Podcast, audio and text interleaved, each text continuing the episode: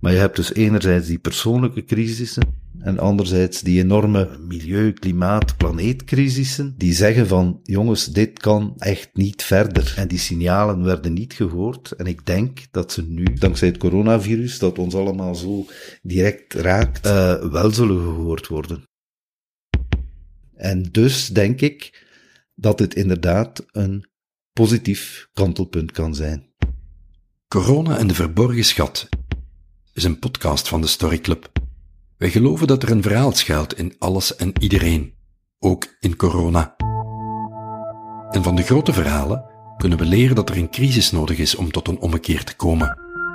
Dat er in de diepste duisternis een schat ligt verborgen.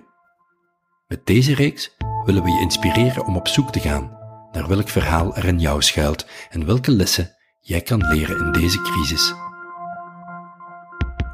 Dag Geert. Dag Graf. We kennen elkaar. Bedankt om tot hier te komen. Het is zaterdag, 21 maart, kwart na tien.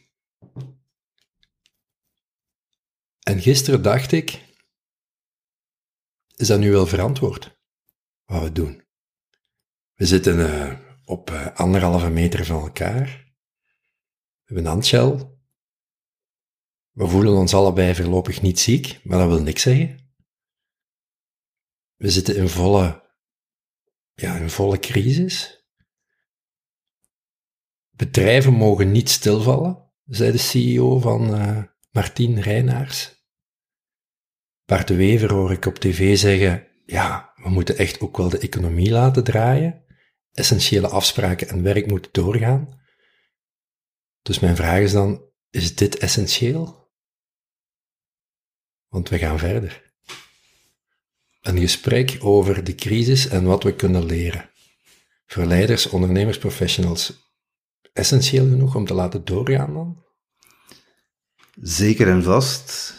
En zeker ook van groot belang om niet alles via Zoom te doen. Je weet dat ik Restory heb opgericht samen met Michel Verheijden. Deze week brengen wij een artikel over de vervuiling die gepaard gaat met Zoom, Skype enzovoort. Ik zou meteen daar naartoe gaan en dan duiken we er direct in. Misschien even um, voor iedereen, kan je jezelf even voorstellen, wie is Geert de Grande? Ik ben bijna 62 jaar.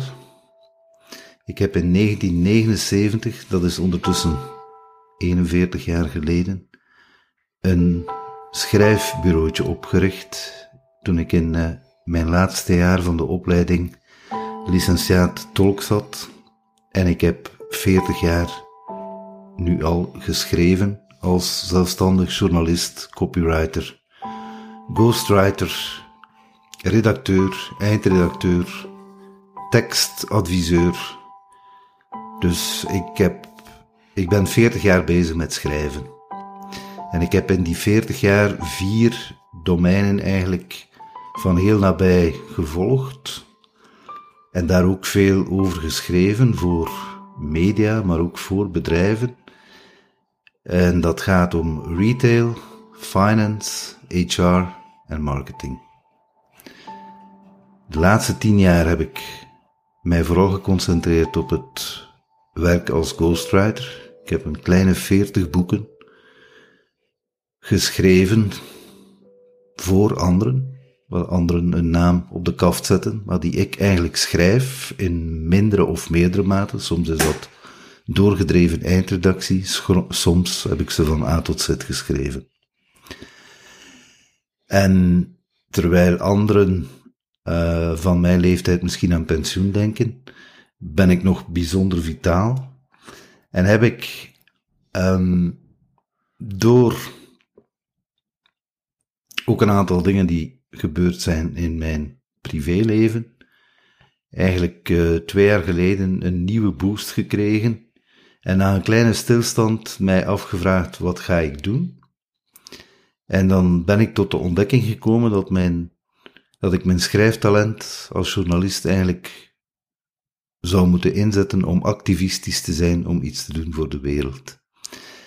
En er was zeven, acht jaar geleden een ontmoeting geweest met Micha Verheijden. Een beetje op dezelfde manier zoals ik jou tien, twaalf jaar geleden ben tegengekomen. Uh, er zijn van die ontmoetingen in je leven die niet onmiddellijk tot iets leiden, maar waarvan je denkt, met die mens heb ik een klik. Met jou was dat zo, met Misha was dat zeker ook zo. En uh, op een bepaalde manier zijn wij in 2017, 2018 weer bij elkaar gekomen en hebben wij um, beslist om samen ook te beginnen schrijven, meer activistisch, om ons steentje bij te dragen tot een betere wereld. En dat kadert in het nieuwe project dat je nu met hem samen hebt opgezet. Absoluut. Restory. Kan je daar iets over vertellen? Restory is ontstaan, maar het had nog niet die naam. Toen wij in december 2018 tegelijk in de standaard een interview zagen verschijnen met Raoul Hedebouw, de voorman van de PTB, Communistische Partij in België, die daarin zei van het uh, kapitalisme, dat is gedaan en voorbijgestreefd. Je kan uit de mond van een, de leider van een communistische partij weinig anders verwachten natuurlijk, maar wat me enorm frappeerde was dat ik tegelijk in The Economist dat toch moeilijk kan verdacht worden een communistisch blad te zijn, eigenlijk dezelfde boodschap zag. Het kapitalisme is gedoemd om te verdwijnen. En uh, dat, zette me, dat mij aan het, uh, aan het denken. En uh, ik sprak daarover met Misha. En dan hebben we eigenlijk gedacht, als de Economist zoiets schrijft, waarom zou de Standaard of de Tijd of de Morgen of Knak ook niet zoiets schrijven? Nu, wij waren al bezig met het lezen van boeken van mensen die daar ook over schreven, of die op een of andere manier ook een boodschap in die richting hadden. Ik denk aan Kate Roward, de professor, de Britse professor die de donut-economie geschreven had. Die, hebben wij, die zijn wij samen gaan interviewen. Dus wij dachten, wij gaan dat voorstellen om ook zo'n dossier te maken aan de klassieke media. En daarop hebben wij nul respons gekregen. Waarop wij dan gedacht hebben, we kunnen het ook voorstellen aan een denktank. Dan zijn we uh, bij Itinera geweest, die trouwens vandaag, maar ik moet het nog lezen, maar ik heb gezien dat Ivan van der Kloot en Leoneels vandaag ook in de morgen staan, waarbij ze een antwoord moeten geven op de vragen die jij mij nu ook stelt, of straks zal stellen. Ook die denktank had geen interesse en daarom hebben wij beslist om zelf een, eigenlijk een online nieuwsplatform op te zetten, waarin wij verhalen van denkers en doeners willen brengen, die nieuwe wegen openen in de economie, het onderwijs, de samenleving en de overheid. Um, kort door de bocht gezegd, moet het eigenlijk een soort bloovie worden van de nieuwe economie, van wat Rai Sisodia, dat is een Amerikaans-Indische denker, het bewustzijnskapitalisme noemt. Om over te gaan naar, ook een woord van Sisodia, helende organisaties, healing organizations. En er zijn TED-talks van die man waarin hij het daarover heeft. En als je ziet wat er nu aan het gebeuren is, met de coronacrisis, dan, dan, ja, dan blijkt die man duidelijk een visionair geweest te zijn. Maar om op de vraag te antwoorden, dus Restory wil inderdaad zo'n nieuwsplatform worden om mensen nog meer bewust te maken. Alhoewel de coronacrisis in één klap veel bewuster zal gemaakt hebben. Dus eigenlijk is dat een bewijs dat dat ons momentum heel goed gekozen was. Uh, enerzijds dus om mensen nog meer bewust te maken en anderzijds om eigenlijk de verbanden tussen al die verhalen duidelijk te maken. Want wat was ons ook opgevallen? In de interviews die we met denkers deden, kwamen dezelfde ideeën naar voren. maar zij kenden elkaar niet. Ik herinner mij een interview met Bruno Colman, nu de grote baas van Peter Kant de Groof, naar aanleiding van zijn boek Le Prêtre et l'économiste. En dat uh, was uh, over zijn visie tien jaar na de financiële crisis, verschenen in 2018, waarin hij eigenlijk helemaal dezelfde ideeën naar voren bracht als Kate Raworth in de donut-economie. En ik vroeg hem, heb je dat boek gelezen? Hij had nog nooit van Kate Raworth gehoord. Natuurlijk, dat boek was toen ook enkel in het Engels verschenen. En Colman is een uh, Franstalige, dus. Uh, maar het gaf wel aan dat ideeën rond de resetting van het kapitalisme, wat trouwens de titel was ook van een uh, dossier in de Financial Times, dat later gevolgd is, 2019, dat ook in dezelfde richting gaat. Het gaf wel aan dat die ideeën volop aan het leven waren. Wij hebben elkaar ontmoet, zoals je zei, denk misschien twaalf jaar geleden. En in de loop van dat parcours um, heb ik ook met jou gewerkt rond mijn tweede boek. Um, sterke verhalen, sterke leiders. Ik vertel het omdat we nu een podcast aan het doen zijn. En jij was degene die mij op het spoor heeft gezet om de verhalen eigenlijk van leiders en ondernemers op te tekenen. We zijn dan samen uh, interviews gaan doen. En uh, die tekst had jij dan uitgewerkt. Later is daar een podcast van gekomen, de Story Club. En eigenlijk vertel ik het ook extra omdat je een paar dagen geleden weer aan de basis ligt. En daarom dat ik dacht, ik moet Geert eerst vragen om te spreken. Van deze nieuwe reeks uh, die ik dan corona en de verborgen schat noem, omdat je stuurde mij het artikel van Mieke Boema, een uh, storyteller in Nederland, ook auteur en begeleider. En dat artikel noemde de macht van het, van het virus. En ergens schrijft zij van ja, het is een crisis, maar in elk verhaal is een crisis een belangrijk moment als een wentelpunt. Het moment waar de, de held in de, in de spiegel kijkt zichzelf diep aankijkt, de wereld aankijkt en dan weet als hij verder gaat, het moet anders. Hoe kijk jij naar uh, de macht van het virus of wat er zich speelt op dit moment, wat iedereen ook een crisis noemt, in de richting van misschien is dit wel het kantelpunt voor een nieuw verhaal?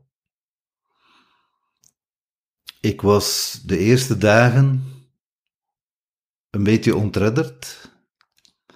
Ook door de vragen die mijn kinderen hadden.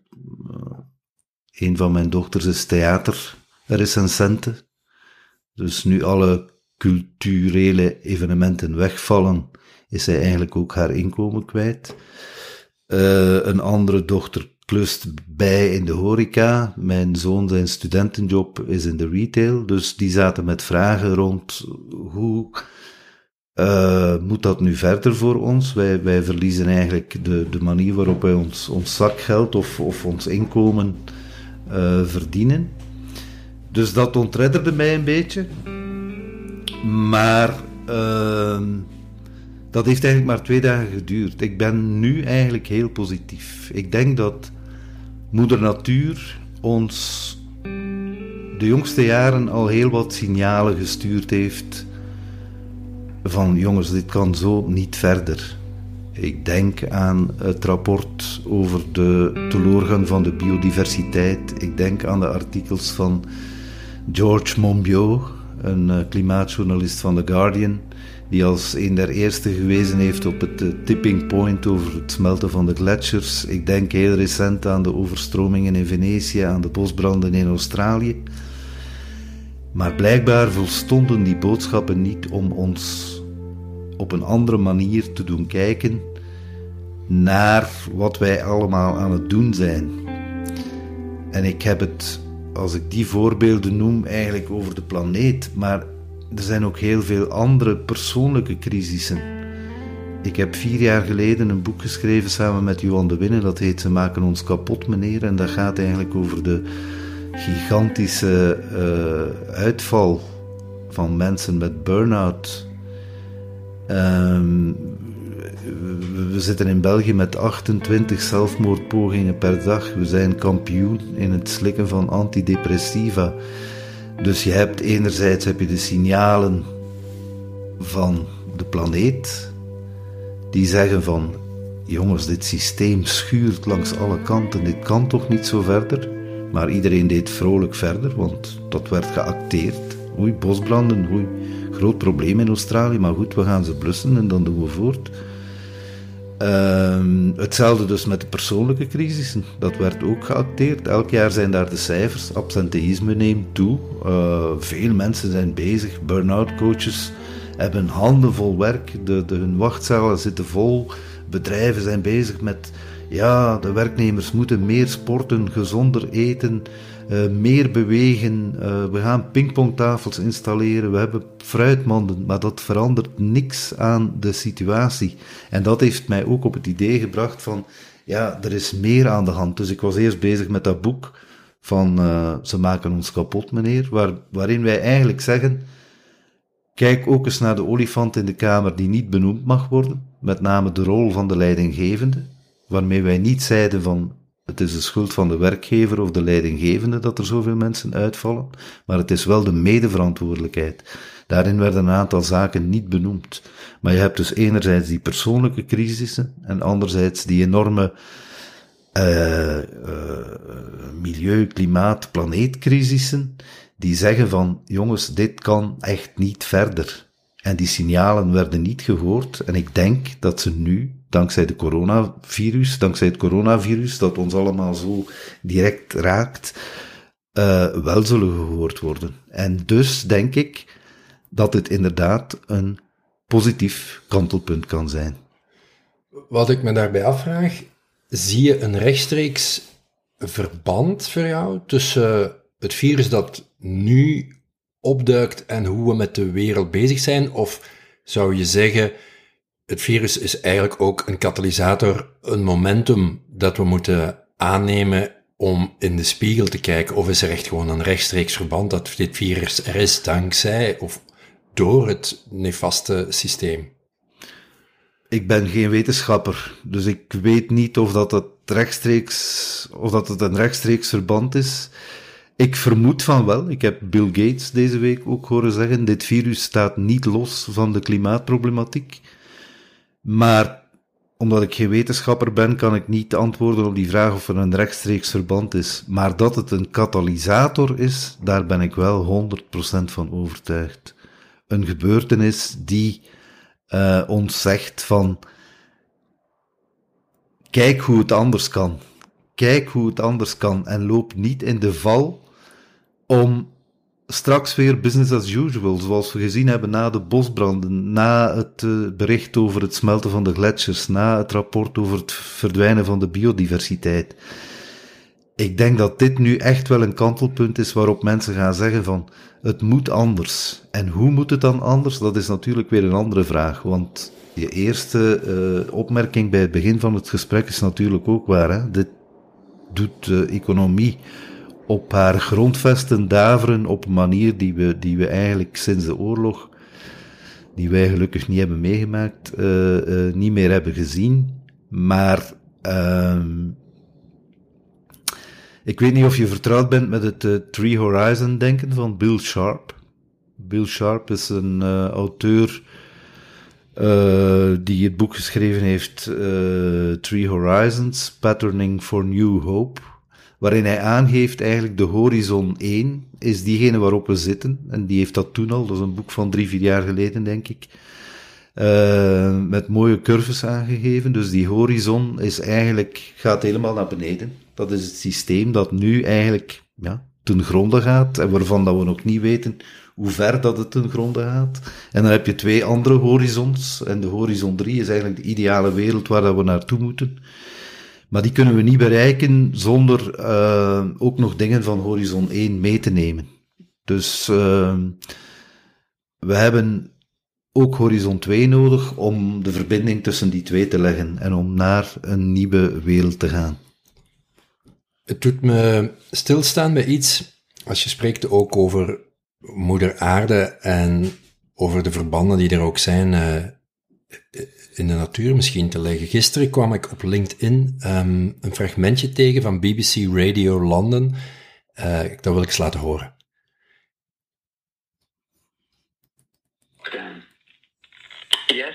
fear. Yes, there is isolation. Yes, there is panic buying. Yes, there is sickness.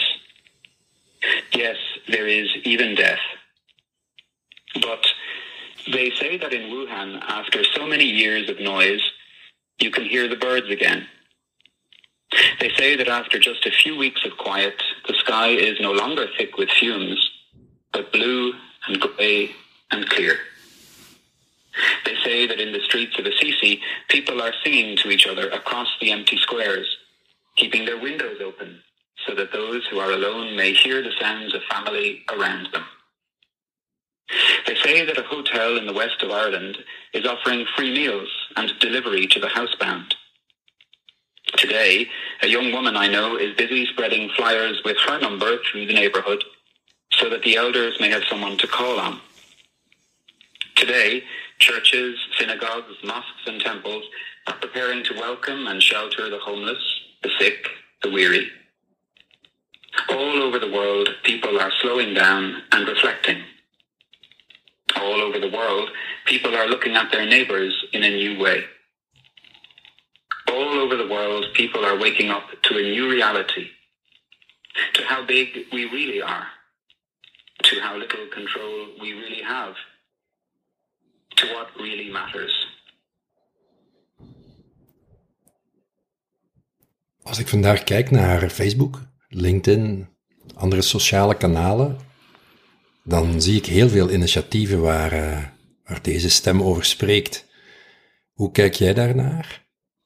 Zijn dat dan de signalen van hoop en verbinding die er in deze tijd blijkbaar ook zijn en misschien niet meer weggaan en een nieuwe realiteit zijn gevormd? Of is dat even het, uh, de opflakkering van het moment en daarna gaan we eigenlijk toch gewoon weer verder, zoals na de bosbranden uh, in Australië er ook gewoon business as usual wordt verder gegaan. Ik heb geen glazen bol natuurlijk, maar ik denk dat het inderdaad nu misschien de basis kan zijn voor iets anders. Want als we inderdaad, zoals ik daarnet zei, die economie anders gaan inrichten, dan is er meer tijd voor elkaar, dan is er meer tijd voor stilte. Kijk, de Brits-Venezolaanse filosoof Carlotta Perez, die vrouw is ondertussen 82, die heeft een prachtig citaat daarover.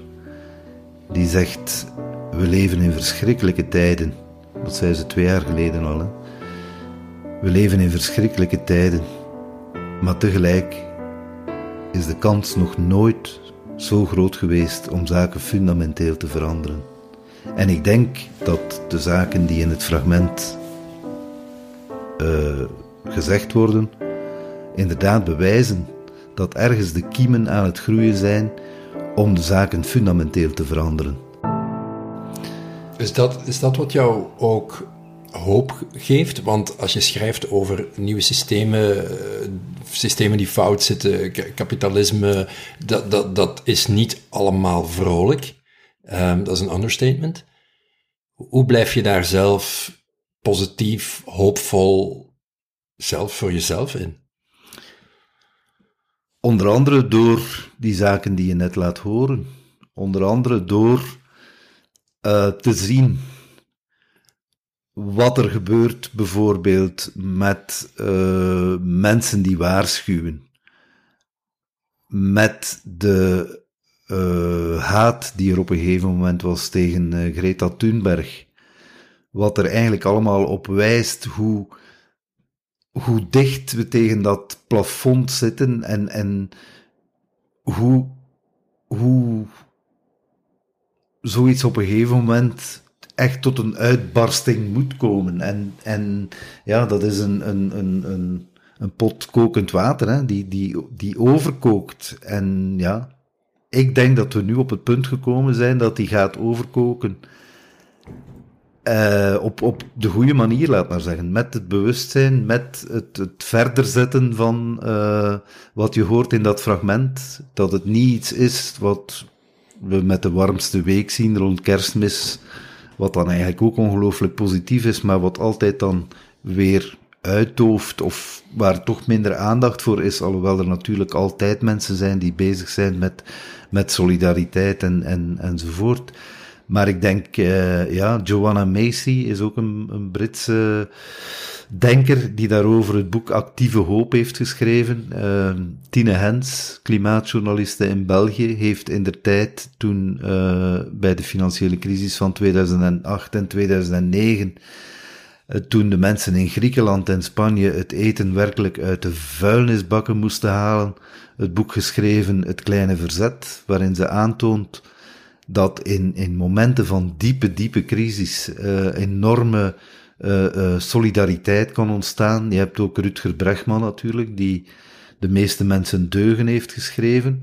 Um, ja, zelf put ik daar hoop uit ehm, dat, dat, ehm, dat het inderdaad aan de goede kant kan kantelen. En, en, en eigenlijk heel persoonlijk geeft het mij een enorme energie dat ik samen met Misha eigenlijk al een jaar bezig ben met de voorbereiding op, op wat nu gebeurt. En, en om mensen bewust te maken, om mensen bij elkaar te brengen die het, hetzelfde ideeën goed delen. Dat is nu zonder te willen uh, stoeven of zo, maar op een of andere manier heb ik door die 40 jaar ervaring als journalist een, ja, toch een bepaalde, bepaalde antenne gekweekt uh, om dingen te voorvoelen. In december 2016 heb ik op LinkedIn een artikel gepost dat toch heel vaak gelezen is en dat heet uh, uh, Vrouwen verdienen meer respect.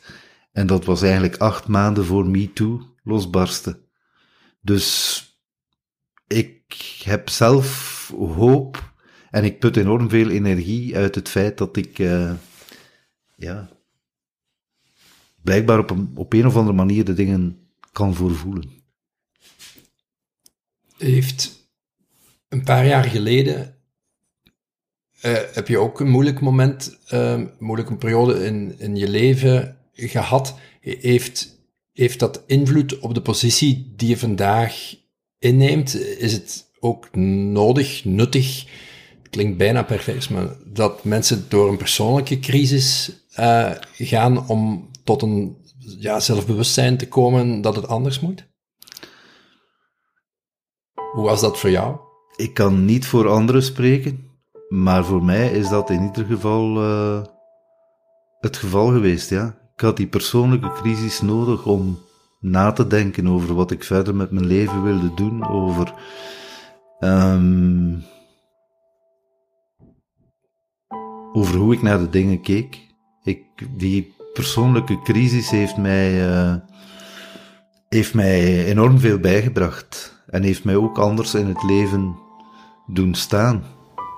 En ik wil daar open over zijn. Die persoonlijke crisis gaat over twee gebeurtenissen. Um, dat is een, uh, een echtscheiding na 31 jaar huwelijk en uh, het overlijden van mijn vader, hoewel ik uh, ja, enig kind ben, geen broers of zussen heb. Mijn moeder was een jaar of vier, vijf eerder overleden. Maar het overlijden van mijn vader, dat samenviel met uh, die echtscheiding, is, ja, was voor mij een persoonlijke crisis. die inderdaad een, een, heel, een, een heel grote invloed heeft gehad op, op mijn kijk op het leven ook. En, op, en die mij ook in staat gesteld heeft om te reflecteren en dan dingen te zien die ik eerder niet zag. Zoals bijvoorbeeld het verband tussen die persoonlijke crisissen van zoveel mensen die thuis zitten en de planeetcrisis. Ja, er is ook heel veel aandacht naar of toch veel meer aandacht dan vroeger naar spiritualiteit of, of bezieling. Ik moet alleen nog maar kijken naar de boekensteun die ik onder onze microfoons heb gezet van uh, uit mijn kast geplukt. Um, zonder, zonder doel, zonder voorbedachte raden. Mythe en bewustzijn van Joseph Campbell, natuurlijk een van mijn favorieten. Afdalen in je ziel, de kracht van het nu, van, van Edgar Tolle. Ik, ik ben zelf, ja, zelf heel erg nieuwsgierig om, uh, om vanuit ja, zelfbewustzijn. Ik zou het bijna spiritualiteit durven noemen, wat een heel beladen woord is nog, maar toch, er is veel meer aandacht voor mij, door mij, maar ook door vele anderen naar, naar dat veld. Dat is niet toevallig, denk ik dan. Of hoe zie jij dat? Dat is zeker niet toevallig. Jij weet van onze vroegere contacten dat ik uh, ook al toen wees op uh, die zoektocht van mensen naar verbinding. Ik heb jou dikwijls het voorbeeld gegeven van die duizenden mensen die op het Sint-Pietersplein in Gent stonden bij de begrafenis van Luc de Vos, een zanger, die weliswaar enige bekendheid genoot, maar die die mensen persoonlijk niet kenden. Ik, uh, ik heb je ook het voorbeeld gegeven van, van mensen op de cyclocross, die dan massaal, waar is dat feestje, beginnen te zingen. Dus mensen hebben nood aan bakens, aan uh, ankerpunten. En die waren uh, door de secularisering. Vroeger was godsdienst dat ankerpunt. En dat baken. En dat is weggevallen. Dus mensen gaan op zoek naar iets anders. En voor de ene is dat een ander godsdienst. Boeddhisme, zen-boeddhisme. Voor de andere is dat een tijdje het verzamelen van zoveel mogelijk volgers op de sociale media. Maar dan zien ze natuurlijk in dat dat niet echt is allemaal. En uh, ja, voor nog anderen komt dat tot uiting in, in verschillende soorten uh, spiritualiteit. Dus verbondenheid. Een, verbondenheid is, is, dat is absoluut geen toeval, natuurlijk niet. Ik, ik neem even het artikel van Mieke Boemaar terug bij, waar we in het begin van ons gesprek uh, mee gestart zijn, ook als uh, inspiratiebron voor deze podcast. En ze zegt daar wel iets heel pittig in over verbondenheid. Ik lees het even voor. Het virus zegt, ik kan niet zonder jou. Zonder jou kan ik niet overleven. Het virus gaat graag verbindingen aan en wijst ons daarmee impliciet op de onderlinge verbondenheid van alle organismen, inclusief de aarde. De ironie is, de mens is zelf de gastheer, de drager voor het virus. We kunnen het virus daarom niet buiten onszelf plaatsen. We kunnen er niet tegen vechten. We zijn niet afgescheiden. We maken er deel van uit. Het virus is de gast bij ons, zoals wij te gast zijn op de aarde. Dat is een hele grote paradox daarin hier, hè? Ja, maar een paradox die duidelijk maakt wat wij altijd, niet altijd, maar de jongste vijftig jaar eigenlijk vergeten waren. De Club van Rome heeft bijna vijftig jaar geleden al voor het eerst gezegd: jongens, pas op, er zijn grenzen aan de groei. En dat hebben wij gewoon naast ons neergelegd. En dat uh, rapport van grenzen aan de groei vertelden eigenlijk hetzelfde verhaal. Wij maken deel uit van dat ecosysteem. Wij zijn dat ecosysteem. En als wij daar geen rekening mee houden met uh, de schade die wij aanrichten, omdat wij alles voor onszelf willen, dan, uh, dan, uh, ja, dan gebeurt er zoiets als, als dit. Trouwens, ik denk dat jij ook uh, gesprekken gevoerd hebt met, met iemand van een stam uh, ja. die hetzelfde zegt. Ja. Een gaangak. Ja. Ja. Een uh, Eskimo, een Eskimo-stam. Misschien om af te sluiten, de podcastreeks noemt Corona en de verborgen schat. Ik wou daar de de spanning in van, ja, corona, boe, boe corona. Uh, al, ja, corona slecht. Uh, corona, alles is depressief en naar de vaantjes.